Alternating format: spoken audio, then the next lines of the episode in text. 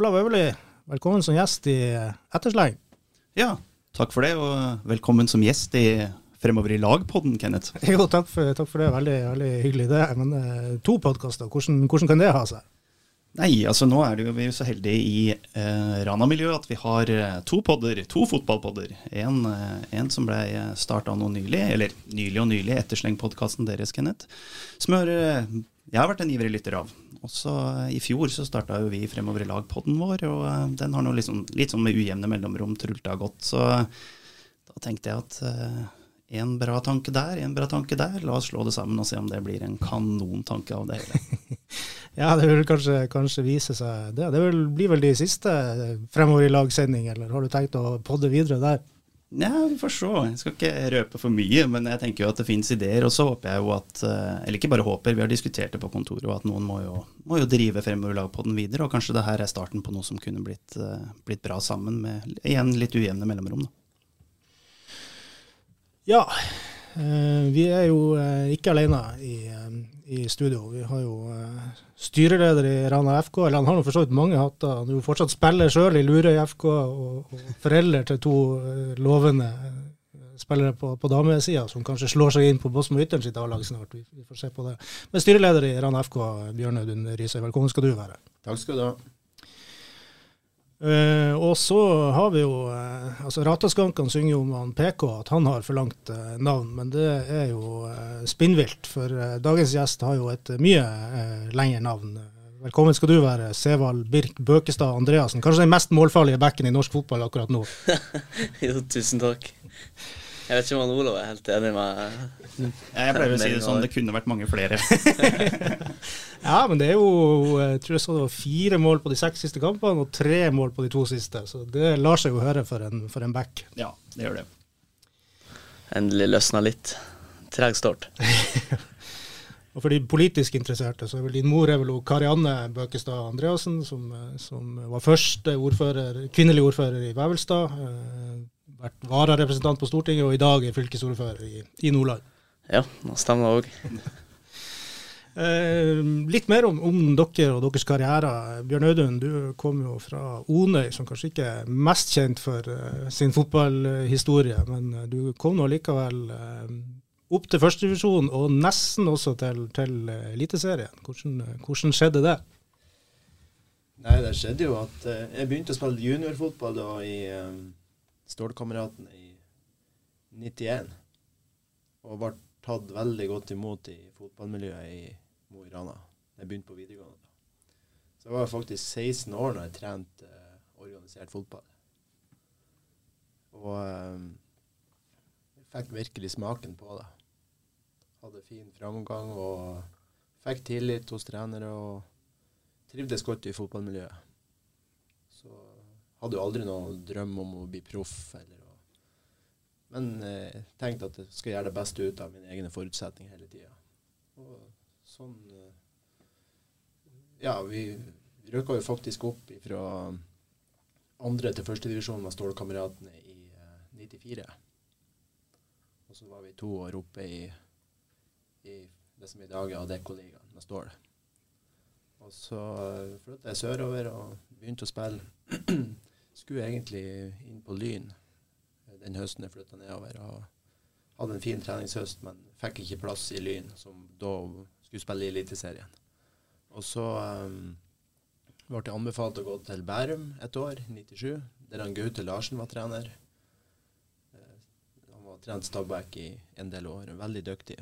Så jeg var ett år i Bærum i andredivisjon, og så gikk jeg til Kjelsås da før 98-sesongen og var fire år der i førstedivisjon.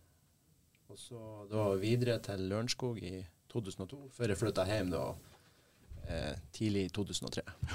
Og i Kjelsås så var du vel eh, og spilte kvalifisering til eh, Eliteserien? Ja, stemmer det. Spilte kvalifisering i 98 og var i toppen. Så, så, jeg hadde noen muligheter og eh, tilbudet takka nei til, som gjorde at jeg dessverre ikke havna i, i norsk uh, eliteserie. Hvilket tilbud takka du nei til? Bjørn? Takka nei til å gå til Ålesund etter uh, 2001-sesongen. Det angrer jeg jo selvfølgelig på i dag. Og så var jeg jo prøvespilt for Bodø-Glimt høsten 2002 da. Fikk tilbud om å komme oppover og hadde igjen ei fin treningsuke. Så det er egentlig tre gode muligheter for å komme til Eliteserien som, som, som glapp. Sånn. Men alt i alt så er jeg veldig fornøyd med at jeg fikk, ut ifra forutsetningen, fikk lov å, å spille så lenge. Så helt fantastisk. Ja, det ble jo en, en bra karriere. Og du fikk vel spille noe av den mest ekstreme Drillo-fotballen som har vært uh, spilt i Norge. Ja, det var helt ekstremt. Jeg tror ikke noen altså folk i dag har, har ikke trodd at det har gått an. Det var helt vanvittig ekstremt. Jeg var i fire sesonger. Vi spilte, Det skjedde aldri, ikke en eneste gang, at man spilte ballen fra høyrebekken og over til venstrebekken og tilbake. Det skjedde bare aldri. Ikke en gang på fire år. Da må jeg nesten bare spørre, Bjørn Audun. Hvordan var treningene da? Hva, hva trente man på?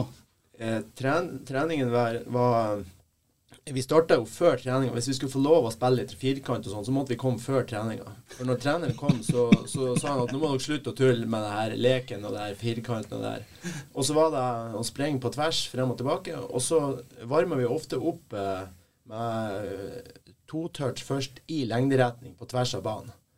Og så gikk vi over til én touch i lengderetning. To dager mot hverandre. Én touch, altså. Ja. Helt fantastisk. Det, treneren det var Stig Mathisen? var det? Stig Mathisen. Fantastisk engasjert og en klar spillestil. Og, ja. Ja. Så kom du jo hjem til Moil, og da ble det jo satsa litt. Man skulle jo opp i, i uh, førstedivisjon. Hvordan, hvordan var det? Det var en veldig artig reise det òg, i starten. Uh, vi, vi, klarte å skape glimt av begeistring. Gjorde det bra, lå helt i toppen av andredivisjon i noen sesonger da og kjempa om opprykk til første. Eh, mange gode spillere, og vi var bare ikke riktig gode nok til å ta det siste steget. Og da, etter hvert, så kom jo erkjennelsen at eh, skal vi få til noe som er bra over tid, så er vi faktisk nødt til å samle kreftene i fotballrana. Vi kan ikke fortsette som før. Vi må samle kreftene både økonomisk og organisatorisk og sportslig, sånn at vi klarer å ta det lille steget opp eh, til norsk toppfotball. Og det var jo òg litt av Og det samme var jo med Stål på, på, på 90-tallet, når vi var i førstedivisjon. Vi hadde ikke full oppslutning fra samfunnet og, og, byen. Og det hadde heller ikke Mo i Ild når vi var på 2000-tallet. Så det var en ny erkjennelse at når timing er rett, så må vi samle kreftene og, og etablere Rana FK. Ja, der var jo du sentral når det til slutt eh, kom, kom på plass i den såkalte prosjektgruppa. Ja. Hvordan, hvordan, var det arbeidet? Det var vel utfordrende å klare å få samla to klubber her? Ja, altså det er i over 30 år. Jeg kom jo Stål i, i 91 da. Eh, og, og, det er jo nå 32 år siden. Og, og, allerede da var det jo snakk om at vi burde samle krefter. Så, men så må jo timinga være rett, og det, det, er mange ting som skal klaffe for å få to si, tradisjonsrike fotballklubber til å, å gå inn i ei felles satsing. Så, så, det var jo veldig komplisert. Men eh, vi følte at timinga var rett da når vi starta det her for ca. seks år siden. Og eh, jeg fikk en telefon fra Roger Håkonsen. Og så sa jeg til hun, fruen min og Sigrun eh, Jeg spurte henne eh, skal vi, Er det greit at jeg går inn i det her nå? For Jeg føler at timinga kan være rett, men eh, er det greit at jeg bruker nå et de, de, neste månedene og mye av tida på å jobbe fram et, et underlag og, ei, og, og, et opplegg som kan være, stå seg til å, at det blir realisert. Da, da sa hun at, uh, at nå er jeg så drita lei av det her uh, kranglinga og det fightinga mellom klubbene at nå må du altså gå inn her og altså, sørge for å få ordna opp i det her. Og det, det var en klar beskjed hjemmefra. Ja, det er hun som skal ha æren for at det ble noe av Rana FK? det du sier? Nei, det, det var veldig mange Det var timinga var rett, og så var det veldig mange dyktige folk som var involvert. Og så, og så fikk vi òg veldig god backing fra naboklubbene og fra, fra næringslivet og, og, samfunnet. Så timinga var rett. Og, og selvfølgelig Mo og Stål, eh, klart flertall av medlemmene stemte jo for, så det var jo veldig bra. Ja, og konklusjonen så langt må vel være at uh, det var riktig. Ja, det vil jeg absolutt si. Ja. Samtidig har vi jo masse å, å, jobbe videre med, som vi kanskje kommer inn på etterpå. Vi skal uh, absolutt komme tilbake til det. Uh, men det som vel må beskrives som et lite skup for, for Rana FK og de nye spillerne av året, Sevald, hvordan havna du her? Nei, Jeg havna her etter at han Ørjan er påståelig på sitt.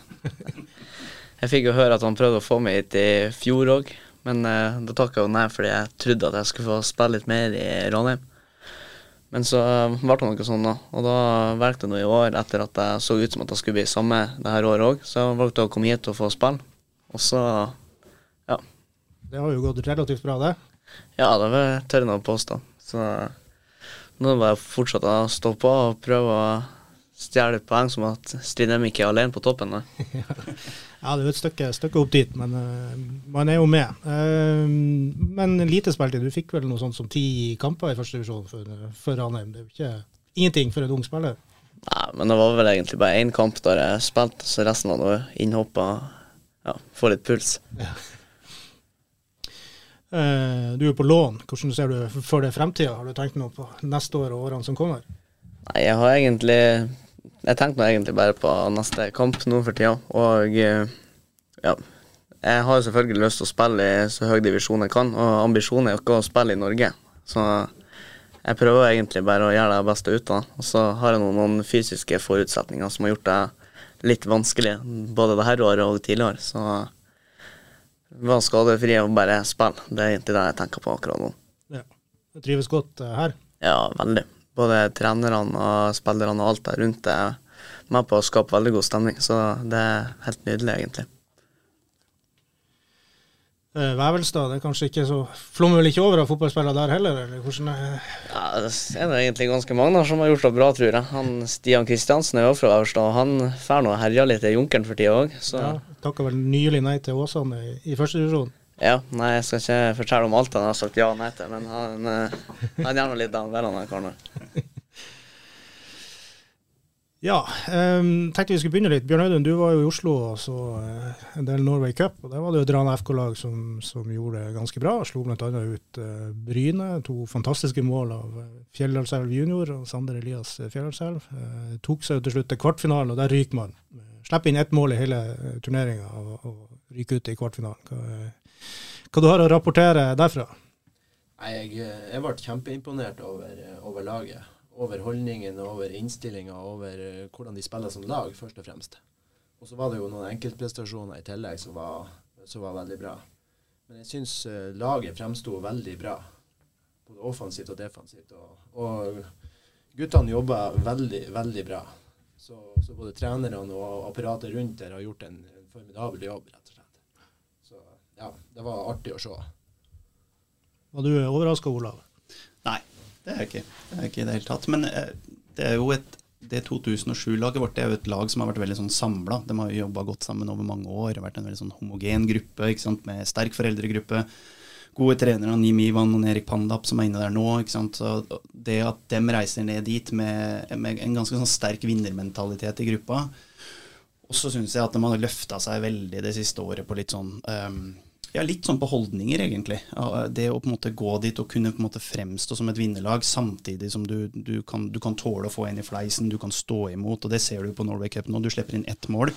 Eh, så snakka jeg litt med 2007-guttene i går, da, de som har kommet hjem og nå hospiterer hos oss på rekrutt. og og det, på en måte, det å se hvordan de kan reflektere rundt det å ryke ut av en turnering nå kontra for halvannet år siden, syns jeg er ganske stor. Da. Så Det viser jo at, vi, at, man at, man utvikler, ikke bare et lag, men man utvikler individene og, og menneskene. og det, det, tror jeg er liksom noe av det vi har vært opptatt av. Helt fra Bjørn Audun gjennom styret ned til trenere og helt ned til Dag G, G17 i det tilfellet her. Så vi er imponert over om måten de har på en måte representert Rana FK på Norway Cup. Og det gjelder jo flere. Ja, så fremtida ser, ser lys ut. Veldig, veldig. Uh, og A-laget har jo kommet uh, relativt greit ut av uh, blokken i, i um, høstsesongen. Nå var det jo en bra vårsesong, men høstsesongen har jo starta enormt bra med storseier mot Steinkjer. så har man kanskje litt flyt borte mot et bra Kristiansund 2-lag, men, men vinner jo fortjent. ikke minst takket være Sevald.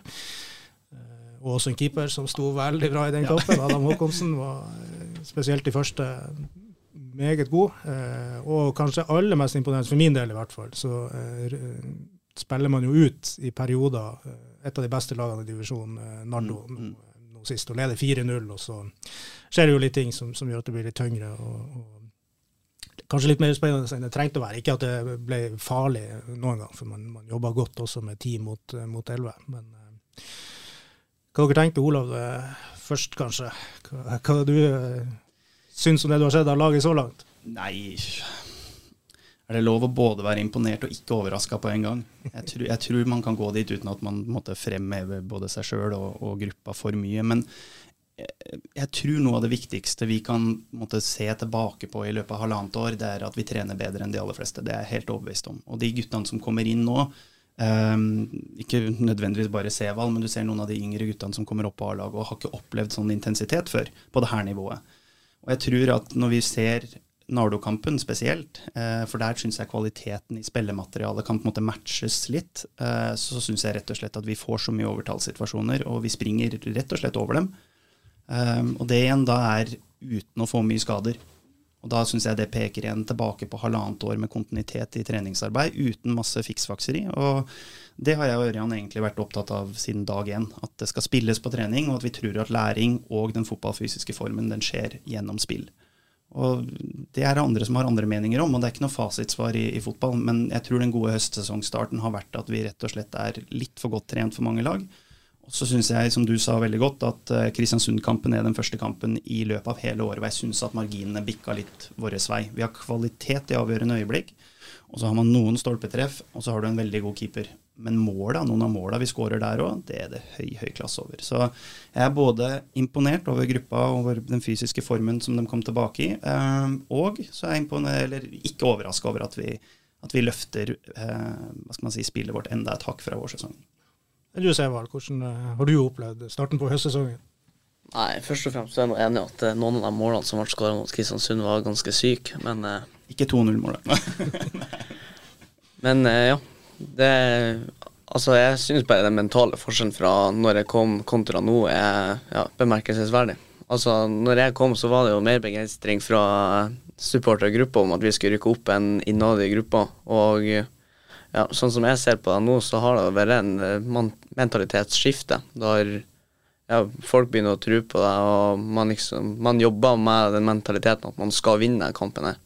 Og det vises jo både på trening og på kampene at ja, man er ikke her for å ja, få uavgjort eller være OK med et greit resultat, men at det skal, det skal være overkjøring, og man skal spille så bra fotball som det går mulig. Og det skal gå fort og bra. Så jeg syns det har vært veldig store steg. Ja. Både, jeg har jo ikke sett på Rana så mye de tidligere årene, men uh, ut ifra det jeg har hørt og ut ifra det jeg har kjent på sjøl, så tror jeg at det er mange steg som har gått i riktig retning.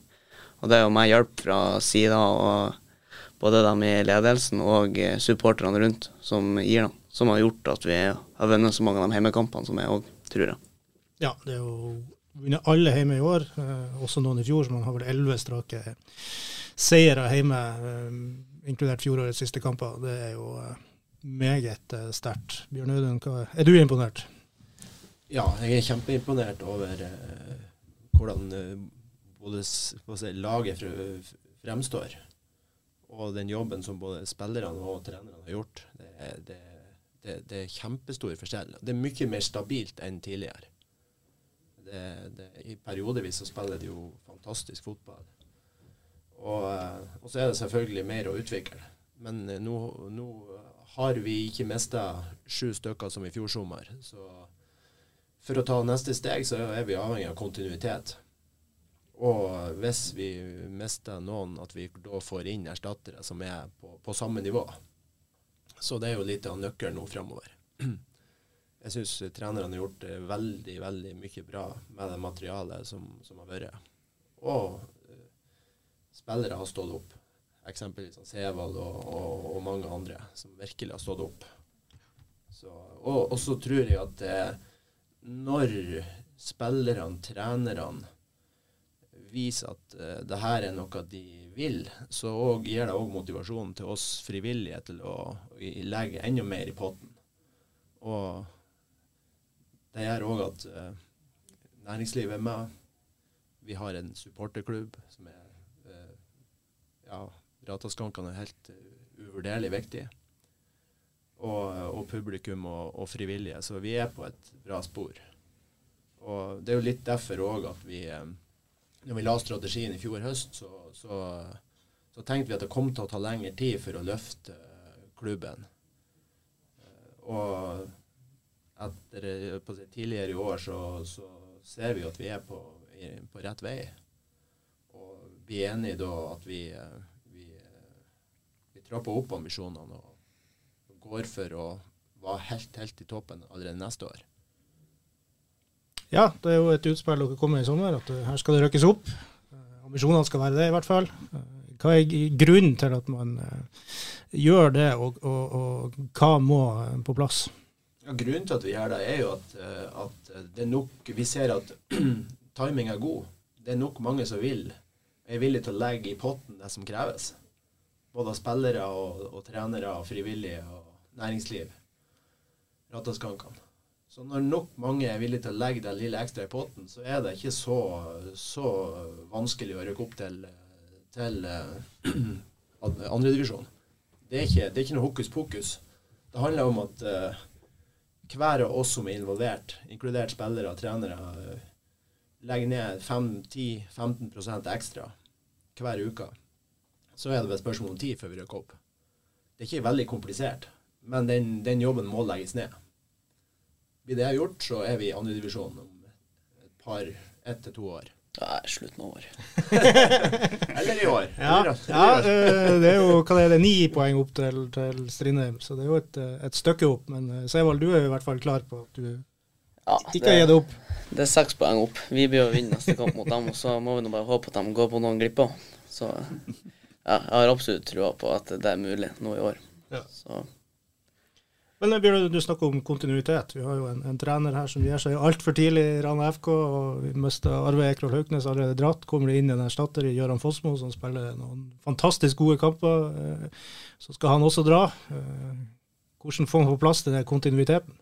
Ja, det, det, det er en utfordring vi har, selvfølgelig. Nå skal det jo sies at Olav eh, han, han, har vært her en periode i to år og, og gjort en kjempe, kjempegod jobb både, både trenermessig, men òg sosialt og, og klubb, for klubben og omgivelsene.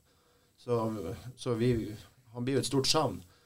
Uh, men vi har jo lyst ut stilling, og det utgangspunktet som har Hvordan klubben har utvikla seg, og omdømmet klubben har, uh, gjør at vi, at er, vi er attraktive for, for, andre som er flinke og, og dyktige.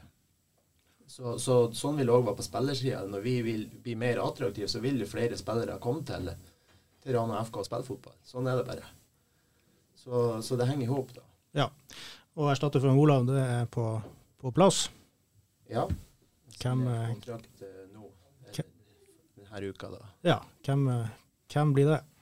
Det blir en person som har erfaring med både å trene A-lag, rekrutt, junior og damer. 40 år. Er nå trener for junior og rekrutt i Nordstrand. Han heter Kenneth Wold. Så. Så det har vi trua på? Ja, absolutt. Eh, og spesielt med det grunnlaget som er lagt, og den strukturen som, som er lagt, så, så, går han inn og skal fylle en, en rolle på en, på en, på en, eh, på en bra måte har vi absolutt tro på. Så det blir spennende. Vi gleder oss veldig ja. å presentere nå på, på, torsdag. Ja. Som er for øvrig samme dag som denne podkasten kommer ut. Ja. Så, men som dere skjønner, den er spilt inn litt tidligere. Eh, hvilke egenskaper har han som eh, blir å gli rett inn i Rana FK? Han har gode fotballfaglige egenskaper. Eh, og så er han en samlende type. Har erfaring ikke minst eh, har gode skussmål og er villig til å legge ned en, en, stor jobb og jobbe hardt og stå i det. For det er klart, I Rana FK, som både skal kombinere bredde og toppsatsing, så er det, så er det formidabelt arbeid som må legges ned av alle, og spesielt administrasjonen, de ansatte. Det er ikke, det er ikke noe 8-4-jobb, for å si det sånn. Og, det er, og jeg har tro på at han òg, i likhet med Olav, og Ørjan og Jimmy, eh, er villig til å legge ned det som kreves for å ta det her videre. da. Så det blir spennende. Se. Ja. Olav, hva han kommer til i, i Rana FK? Altså, møter Nei, han her? Nå har jeg ruinert rekruttert. Nei, jeg, jeg, jeg, husker veldig godt, uh, for å trekke linjene litt tilbake, så husker jeg uh, godt når jeg kom. Uh, jeg og Ørjan satte oss ned med Bjørn Audun og styret, og så sa vi at for å bygge den klubben her til å bli på en måte både bærekraftig, men også bli klar for å ta steg hele veien, så trengs det et rammeverk på sport. Eh, det trengs en tydelig plan som er litt uavhengig av trenere. Og jeg vet jo I forrige ettersleng så diskuterte dere jo litt det her med kontinuitet. Og, og jeg tror at det vi har gjort, som kanskje eh, ja, Om det er underkommunisert, eh, ikke fordi at vi skal løftes frem, men fordi at nå tror jeg at man styret i Rana FK kan hente inn folk, og så kan dere styret si sånn spiller vi fotball, sånn utvikler vi mennesker, sånn jobber vi med fremover i lag.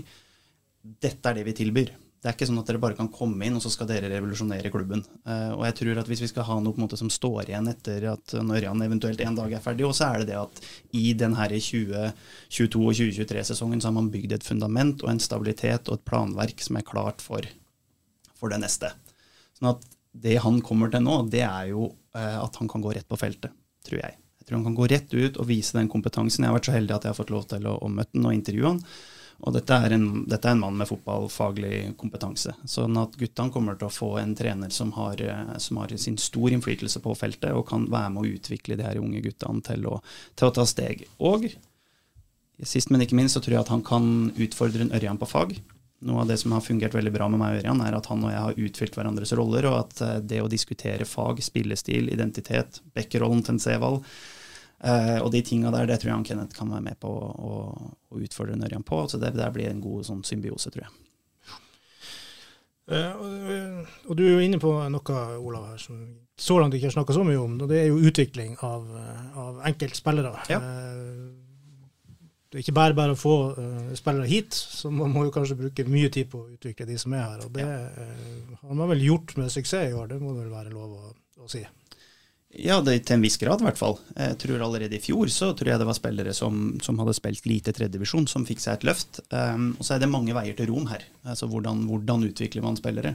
Uh, jeg er helt sikker på at uh, der vi var, så er det veldig riktig å ha et ganske rigid rollekravsystem. En sånn identitet som bygger på at rollen din den har en større funksjon i det her store lagsapparatet. Og hvis du kjenner den godt i de ulike fasene i kampen, så, så blir du en bedre fotballspiller ikke, altså vi har jo aldri lagt skjul på at vi er inspirert av det som skjer i Bodø. Uh, alle som ser fotballen vår, vet også at det store planverket er inspirert av det som skjer i Bodø.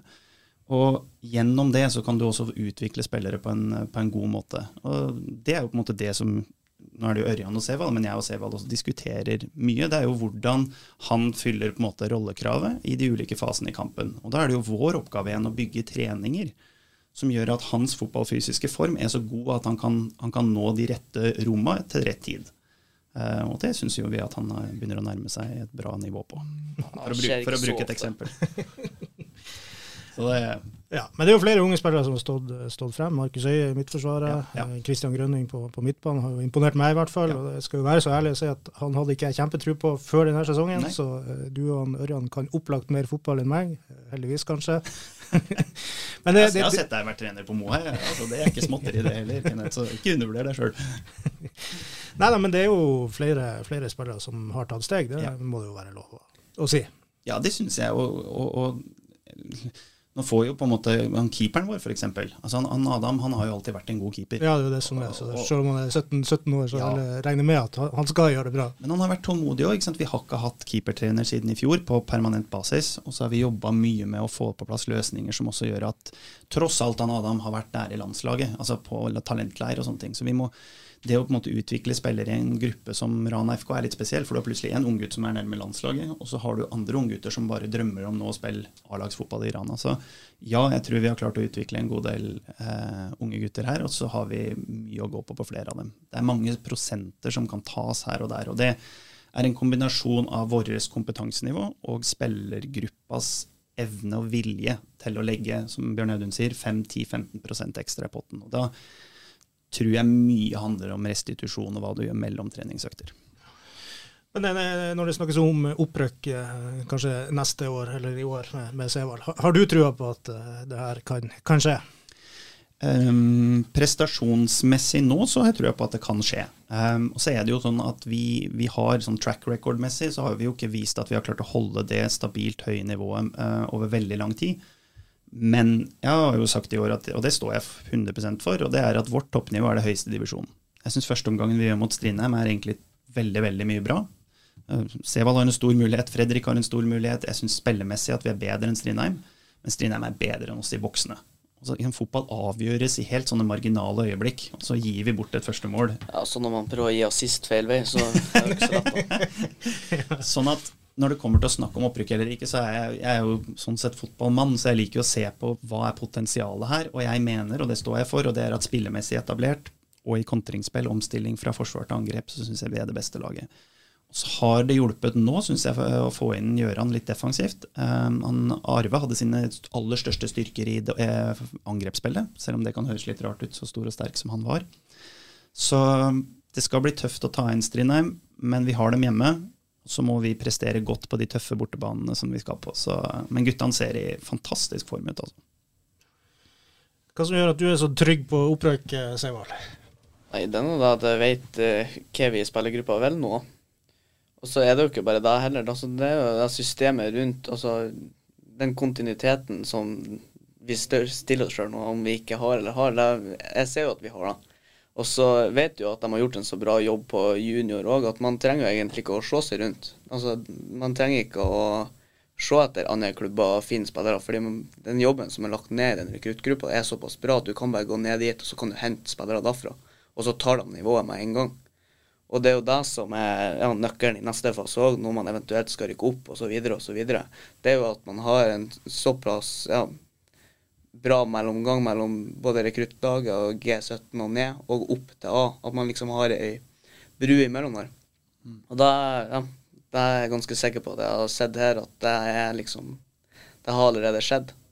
Så det første steget på å ta et opprykk, det har jo skjedd rundt. Så det ligger egentlig bare opp til oss som er A-gruppa, å faktisk klare det. Så det gjør nå bare at vi prøver å jobbe litt ekstra på.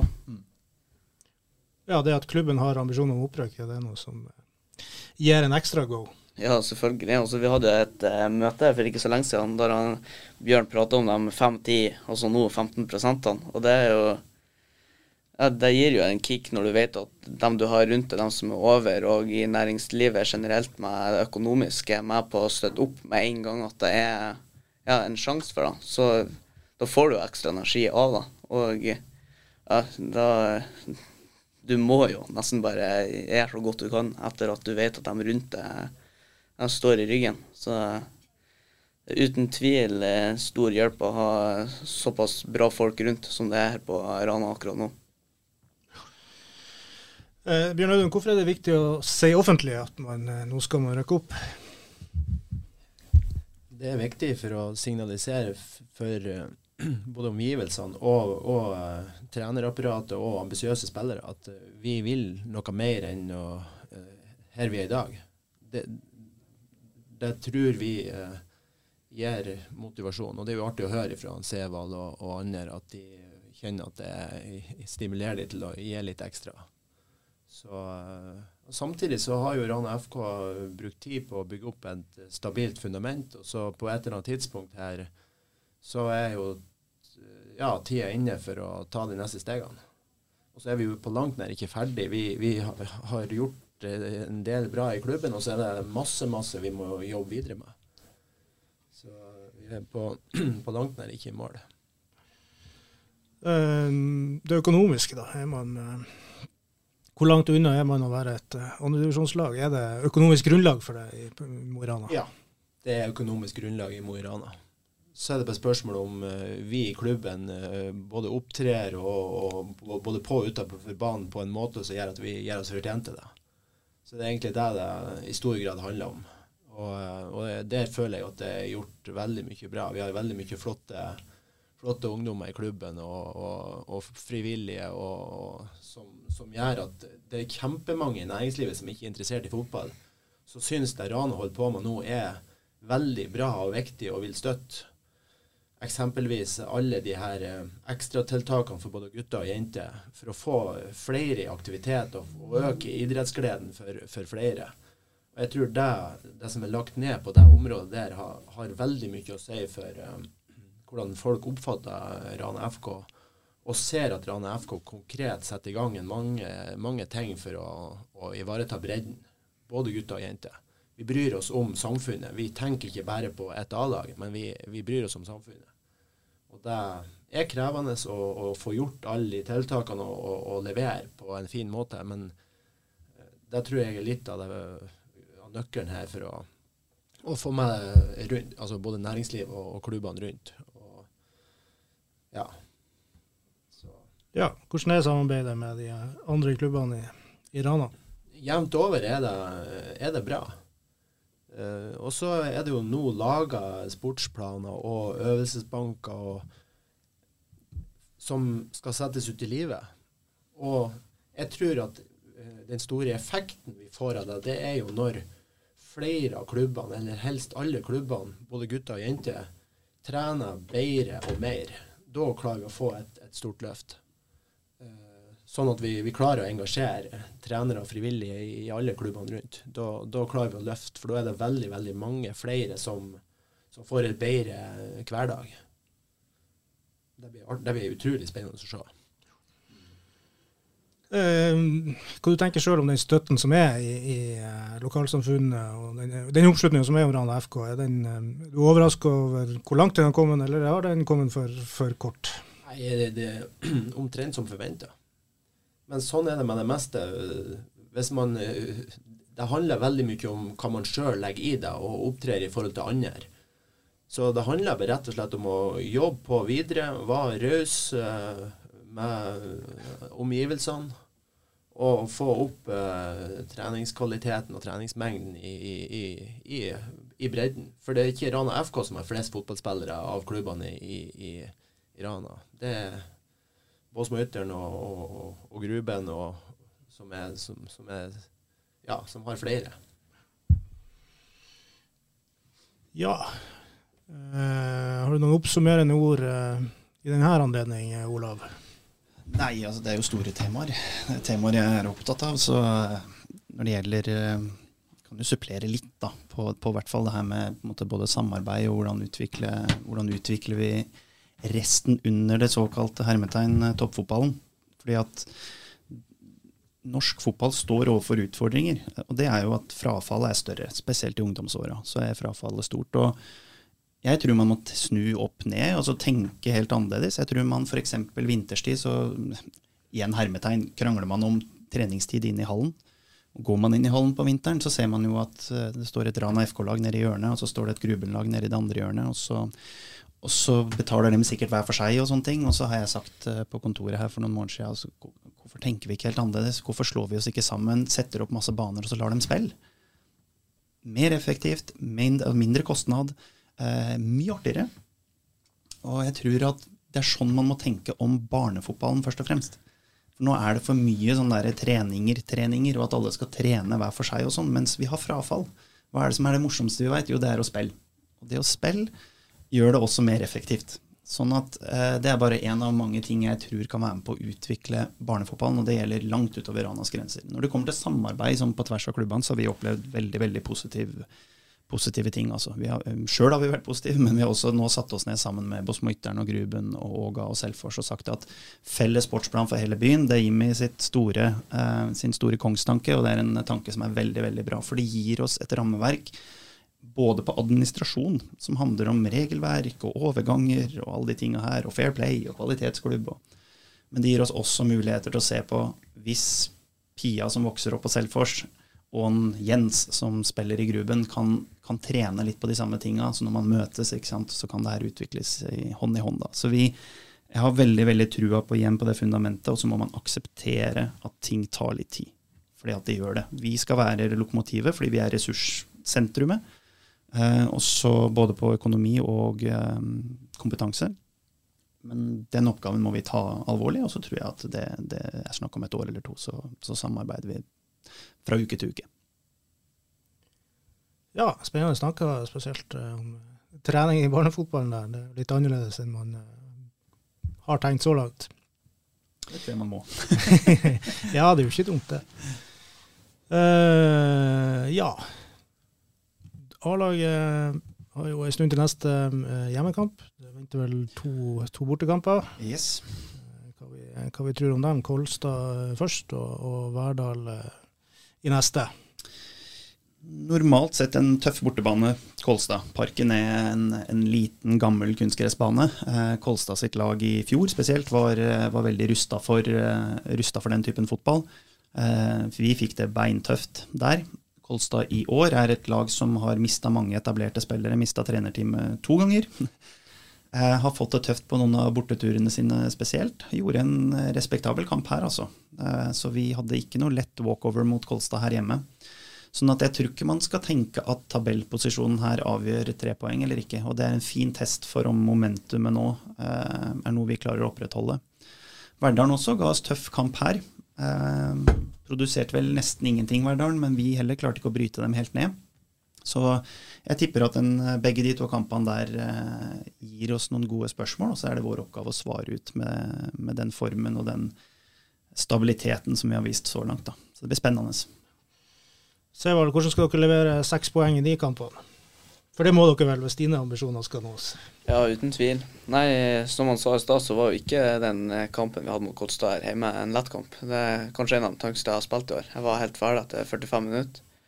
Men eh, ja, det er en liten bane, så det blir nå å flytte mye ball og få dem til å sprenge seg tom tidlig. Så er det jo som han sa i stad, Olav, at vi, vi, er godt trent. Så de blir nok å spreke litt opp på slutten. Men ingen av kampene lar er vunnet før vi er over. Men først og fremst så må vi ha fokus på Kolstad. Så ja, får vi se hvilke planer Ørjan har for den kampen der. Så må vi nå bare følge etter beste evne, tror jeg kan ikke være en idé å sette deg som spiss nå som PK er, er ute. Du er jo så, så målfarlig. Jo, jeg har sagt det til Ørjan og Olav flere ganger at det er bare å få meg lenger fram. Men eh, ja, de er litt motvillige mot det. Det var en Ørjan som skolerte meg til back for fem-seks år siden. Så etter det så har han ikke gitt meg noe annet. Så. Ja, hva du tror du, Bjørn Audun? Jeg tror det blir, eh, det blir tøffe bortekamper der som refererte til eh, så vidt vi klarte å slå de med to nødskrik hjemme. Så eh, det handler veldig mye om innstilling og fokus. Hvis de er på, på stasjonen i de kampene, så, så har jeg tro på seks poeng. Nei, men Da vedtar vi det. Det blir, det blir seks poeng. Uh, Olav, for deg går ferden uh, videre. Hvordan, hvordan, blir det å komme tilbake til uh, Bodø-Glimt? Uh, Nei, det er når, når, avgjørelsen er tatt, så er det jo Da er jeg litt sånn at da, da gleder man seg til det. Og, og, man gleder seg over å få lov til å få litt tid her før jeg reiser oppover. Uh, nå er det siste uka mi denne uka her. Uh, men, men altså, det, kjennes jo bra at man skal til Bodø. Mange grunner til det. Det ene er jo tilbake til Glimt, og Glimt er litt sånn klubben min. Uh, jobbe med en god venn av meg, skal være i trenerteam med han.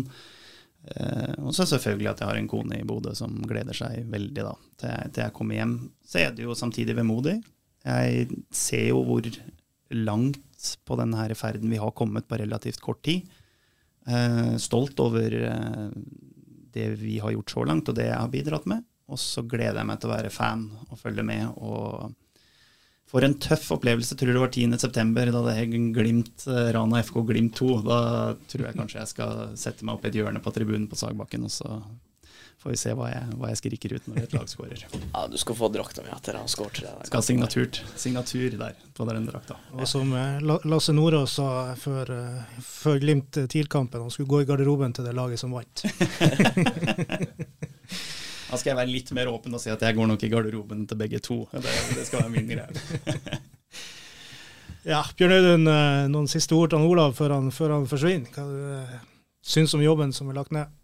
Jeg var litt inne på det i stad. Han har lagt ned en formidabel jobb de her årene. og eh, Vi blir jo savna han masse. Og ønsker han selvfølgelig lykke til, og, og håper at med han i en sentral rolle i akademiet i Glimt, eh, gjør at, at Glimt ja, sender noen flere fotballspillere til, til, Rana FK, sånn at de kan spille i norsk toppfotball noen år før de går opp tilbake i Eliteserien igjen. Ja, Der ordner du vel, Olav? Ja, ja. altså, jeg, første jeg gjorde, var å ringe Kjetil og si at nå må jeg bare sende spillere ned. Nei da, men jeg tror jo at et, Vi har jo diskutert jeg og Bjørn Audun og sånne ting, òg, at vi, vi det å, det å i hvert fall ha, ha, en connection, en person, om det var meg eller hvem det nå er, som på en måte har en, en, en fot på, på, gasspedalen litt i begge klubbene, kjenner til miljøet begge steder. Og så, og så har jeg vært litt sånn hva skal man si, litt, litt pådriver for også inn mot Glimt da, å tenke sånn vi, vi, spiller den fotballen som Glimt ønsker at et, et eventuelt farmerlag da, skal, skal spille. Uh, og jeg håper jo at fremtida er en så ressurssterk klubb som Glimt til å bidra i enda større grad til at lag rundt dem kan ta steget opp. Jeg har ikke kjennskap til om de gjør en veldig bra eller dårlig jobb, så det er ikke en kritikk av Glimt. Jeg håper bare at det å være der og det å kunne ha på en måte hatt en rolle i Rana FK kan bidra til at i hvert fall på noen nivå. Det kan være på den Action Now slash fremover i lag-plattformen, det kan være på planverk, det kan være på kompetanse, og det kan også, som Bjørn Audun sier, være på, på spillelogistikk. Ja, jeg har for så vidt ikke mer. Uh, Bjørn Audun, du er litt febrilsk etter mer å, mer å si, eller har du vært gjennom alt? Nei da, vi har jo diskutert en del, en del saker, da. Uh, jeg har jo savna litt den, den, diskusjonen som, som er oftest har vært diskutert på, på styremøtene i Rana FK. Det er jo hvordan vi skal bli bedre til å få flere jenter til å holde på lenger i fotballen, og, og legge bedre til rette for de som ønsker å bli gode innenfor jente- og damefotballen. Og det er jo en, en prioritert sak i, i Rana fotballklubb. og uh, Vi har da etablert et utvalg uh, med representanter fra Rana FK og, og Båsmo Ytter nå i, i, første omgang. da, Som skal jobbe fram et, et faktabasert underlag på hvordan man skal uh, ja, forbedre jente- og damefotballen i Rana framover. Så det blir et veldig spennende arbeid og viktig, viktig arbeid.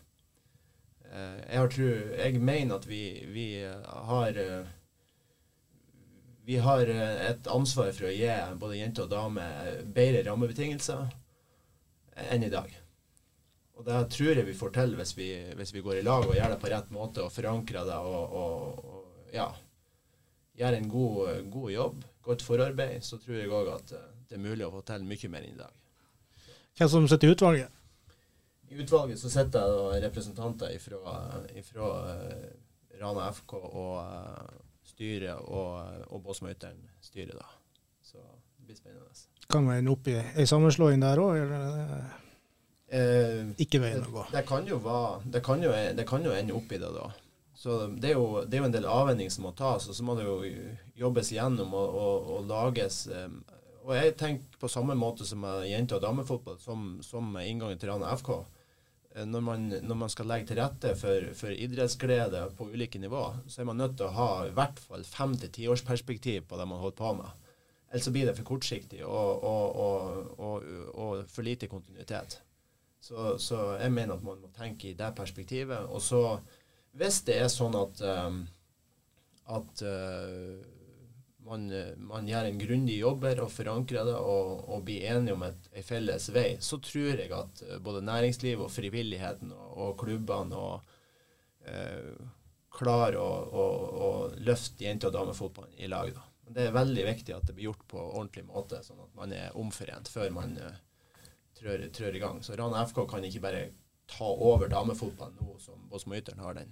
Men hvis Bosmo Ytteren erkjenner at de vil satse på bredde, og at man kan samle både ressurser og kompetanse i en klubb, så mener jeg eh, absolutt på sikt det, det er helt rett at, eh, at Rana FK tar ansvar, og at jente- og damefotballen på, på toppnivå inkluderes i Rana FK.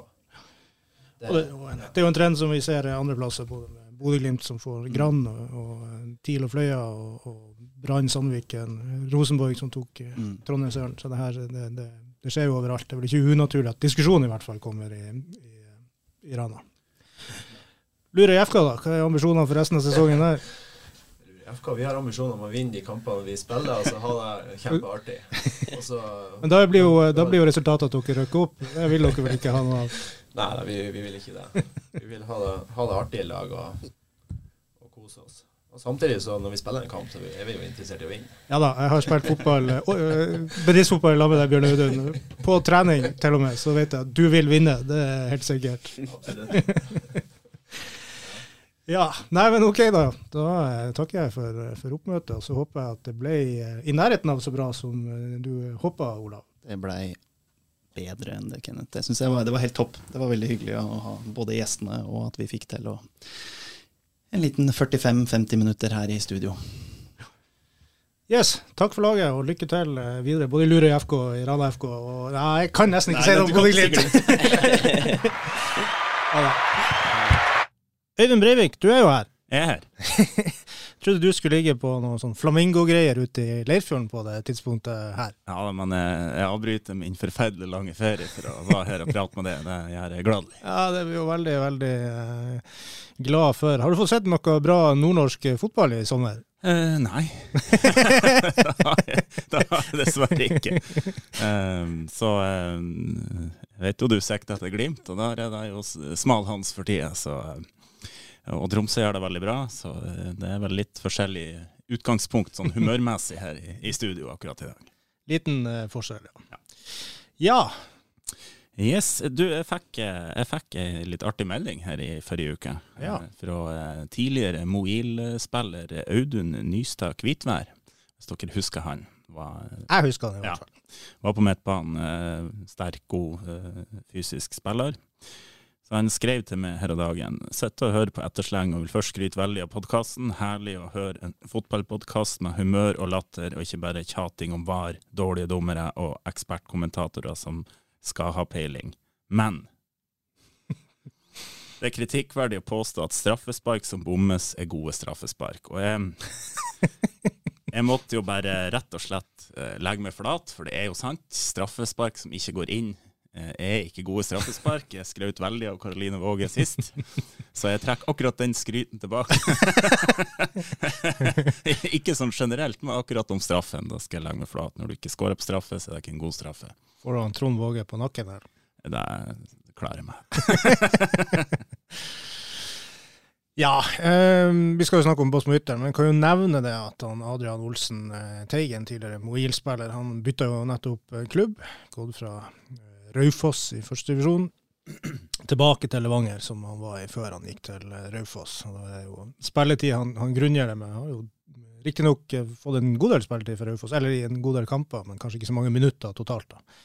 Fikk tolv kamper i første divisjon og var jo også med fra start når de slo ut Viking i eh, i cupen. Men nå velger han å gå et hakk ned til, til Levanger. Nå ser det jo bra ut for Levanger i andredivisjon, og de leder vel med var det åtte poeng ned til Tromsdalen. Så de skal vel rote godt for å ikke komme seg opp igjen. Ja, så er det jo kanskje en lur strategi, også der du får spille mer eller mindre fast, så, så er du der når eh, neste sesong starter i første divisjon.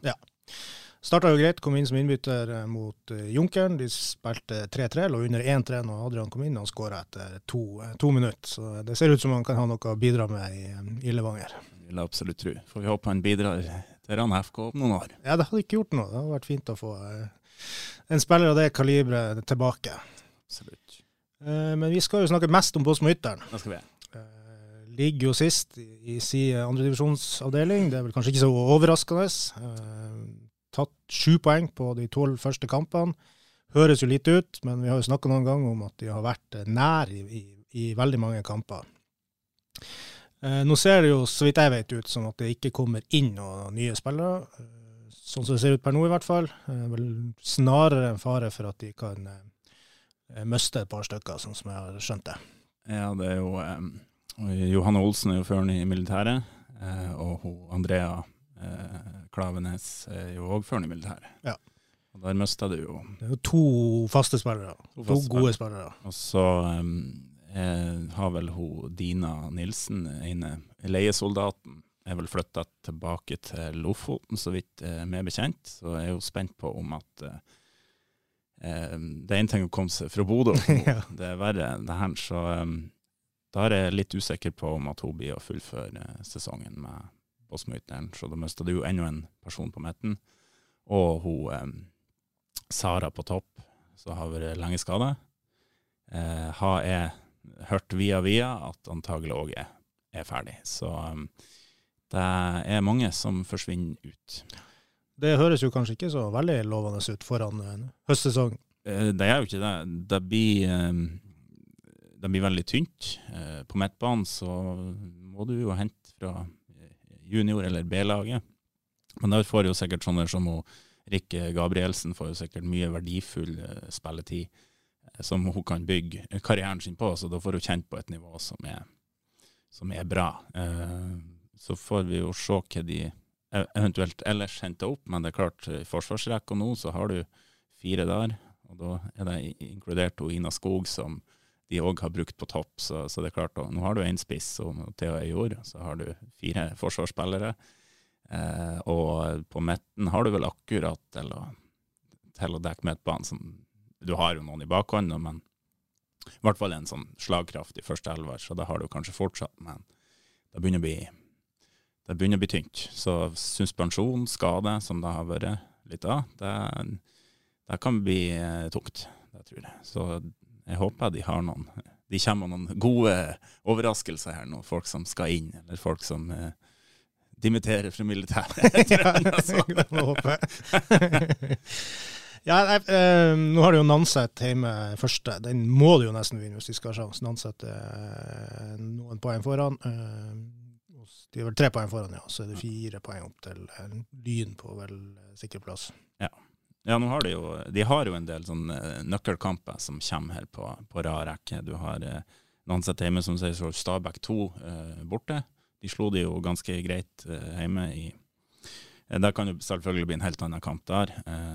Så de her to kampene Det blir litt sånn nøkkelkamper, føler for det her lag de er på talefot med. og I hvert fall hvis de skal holde seg, så må de være det.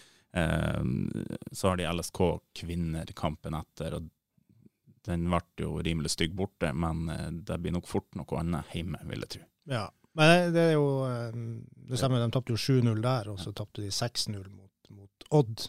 Innimellom der hadde de denne kampen mot Mjølner, som jo var litt uheldig, men tapte 2-3. Men, men, trenden er jo kanskje ikke sånn kjempegod, for i starten av sesongen så hang man jo godt med egentlig alle, og nå har man en 0-7 og en 0-6 på, på bortebane. Ja, det, det, det, er, det, er, klart de har møtt Det er to veldig gode lag. Altså Odd er et veldig godt lag. Eh, de er jo det desidert beste. Da spådde jeg jo før. Jeg møtte jo, jeg møtte jo i fjor eh, og så jo med en gang at de gjerne kunne gått til å spille i første divisjon. Og det har de jo visst jo denne sesongen. De har jo egentlig de har vel én uavgjort og resten seier. Ja, det stemmer. De er jo helt, helt suverene. Så de, de, går jo rett opp, og det eh, har de jobba for over mange år.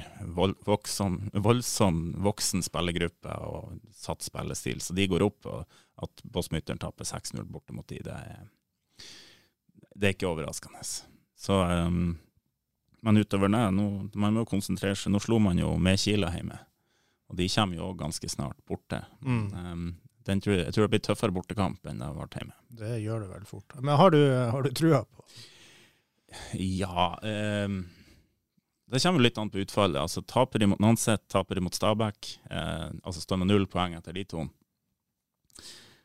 Så da blir det vanskelig. Da har du jo Sarpsborg igjen som du skal slå, og så eh, Ja, det, det, blir, det, blir, tøft. Jeg, jeg, tror det blir tøft. Eh, men um, det kommer jo litt an på hvordan de angriper der nå. Om de Er det viktigst å beholde plassen, sånn, eller er det viktigst å kanskje prøve å utvikle sitt spill på det her nivået, og, og få kjenne litt på det at mange, kanskje òg på B-laget, får prøve seg litt. og så får, får smake litt på det, sånn at du har et bra fundament inn mot neste sesong, som du kanskje kan prøve å komme deg opp i.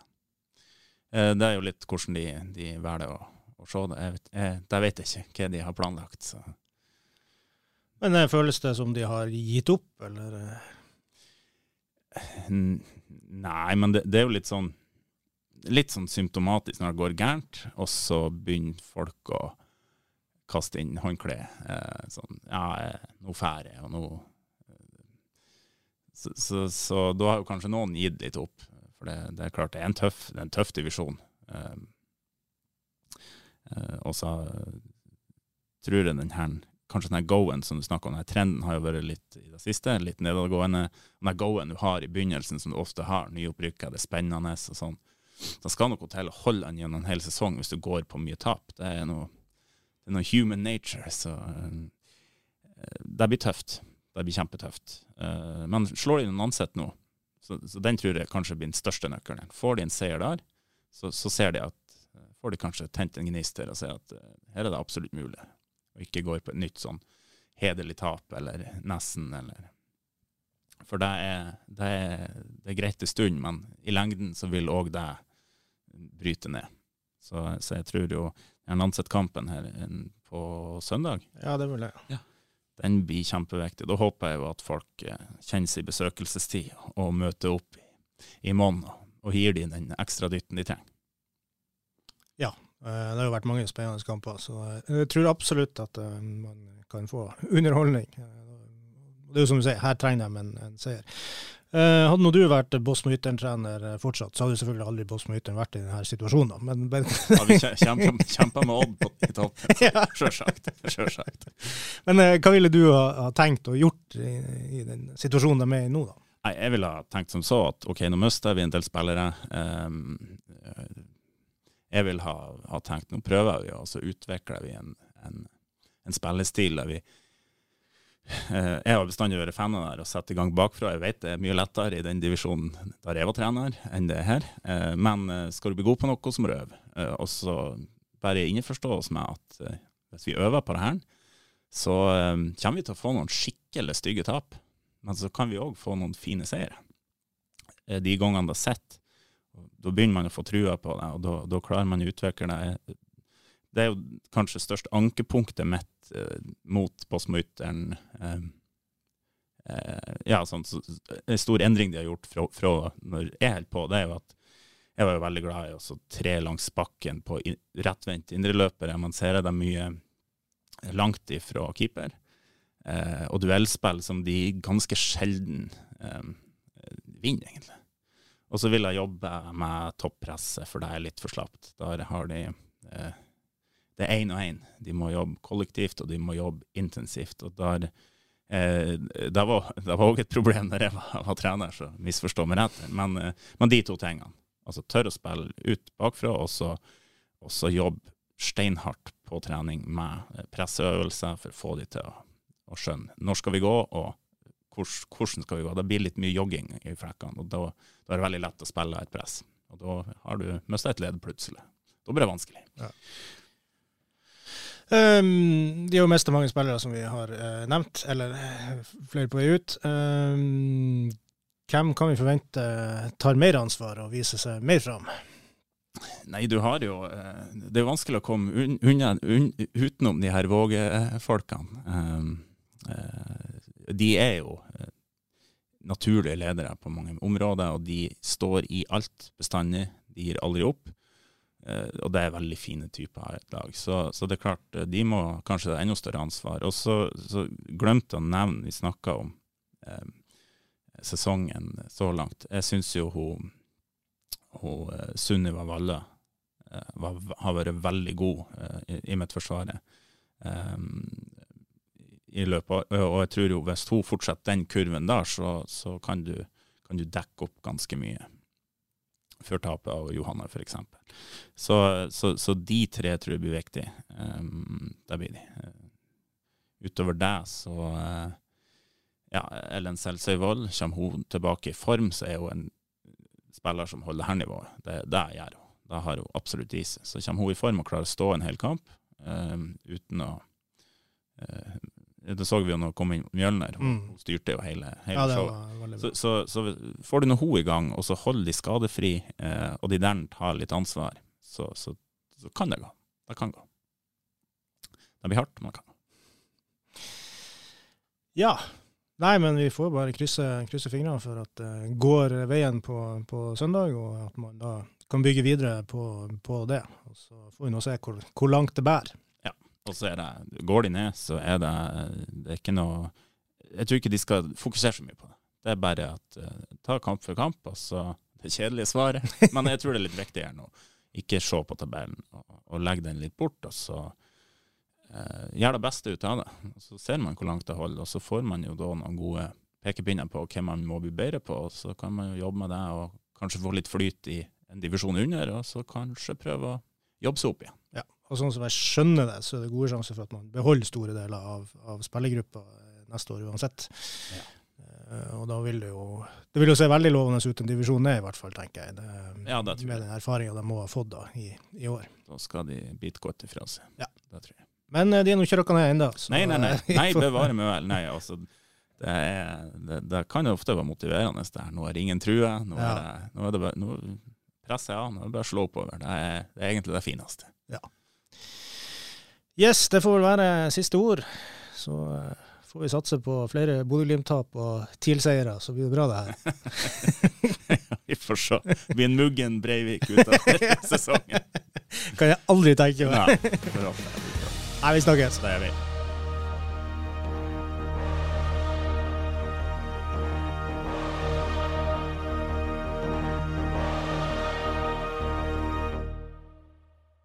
Har du et enkeltpersonforetak eller en liten bedrift? Da er du sikkert lei av å høre meg snakke om hvor enkelt det er med kvitteringer og bilag i fiken, så vi eh, gir oss her, vi. Fordi vi liker enkelt. Fiken superenkelt regnskap.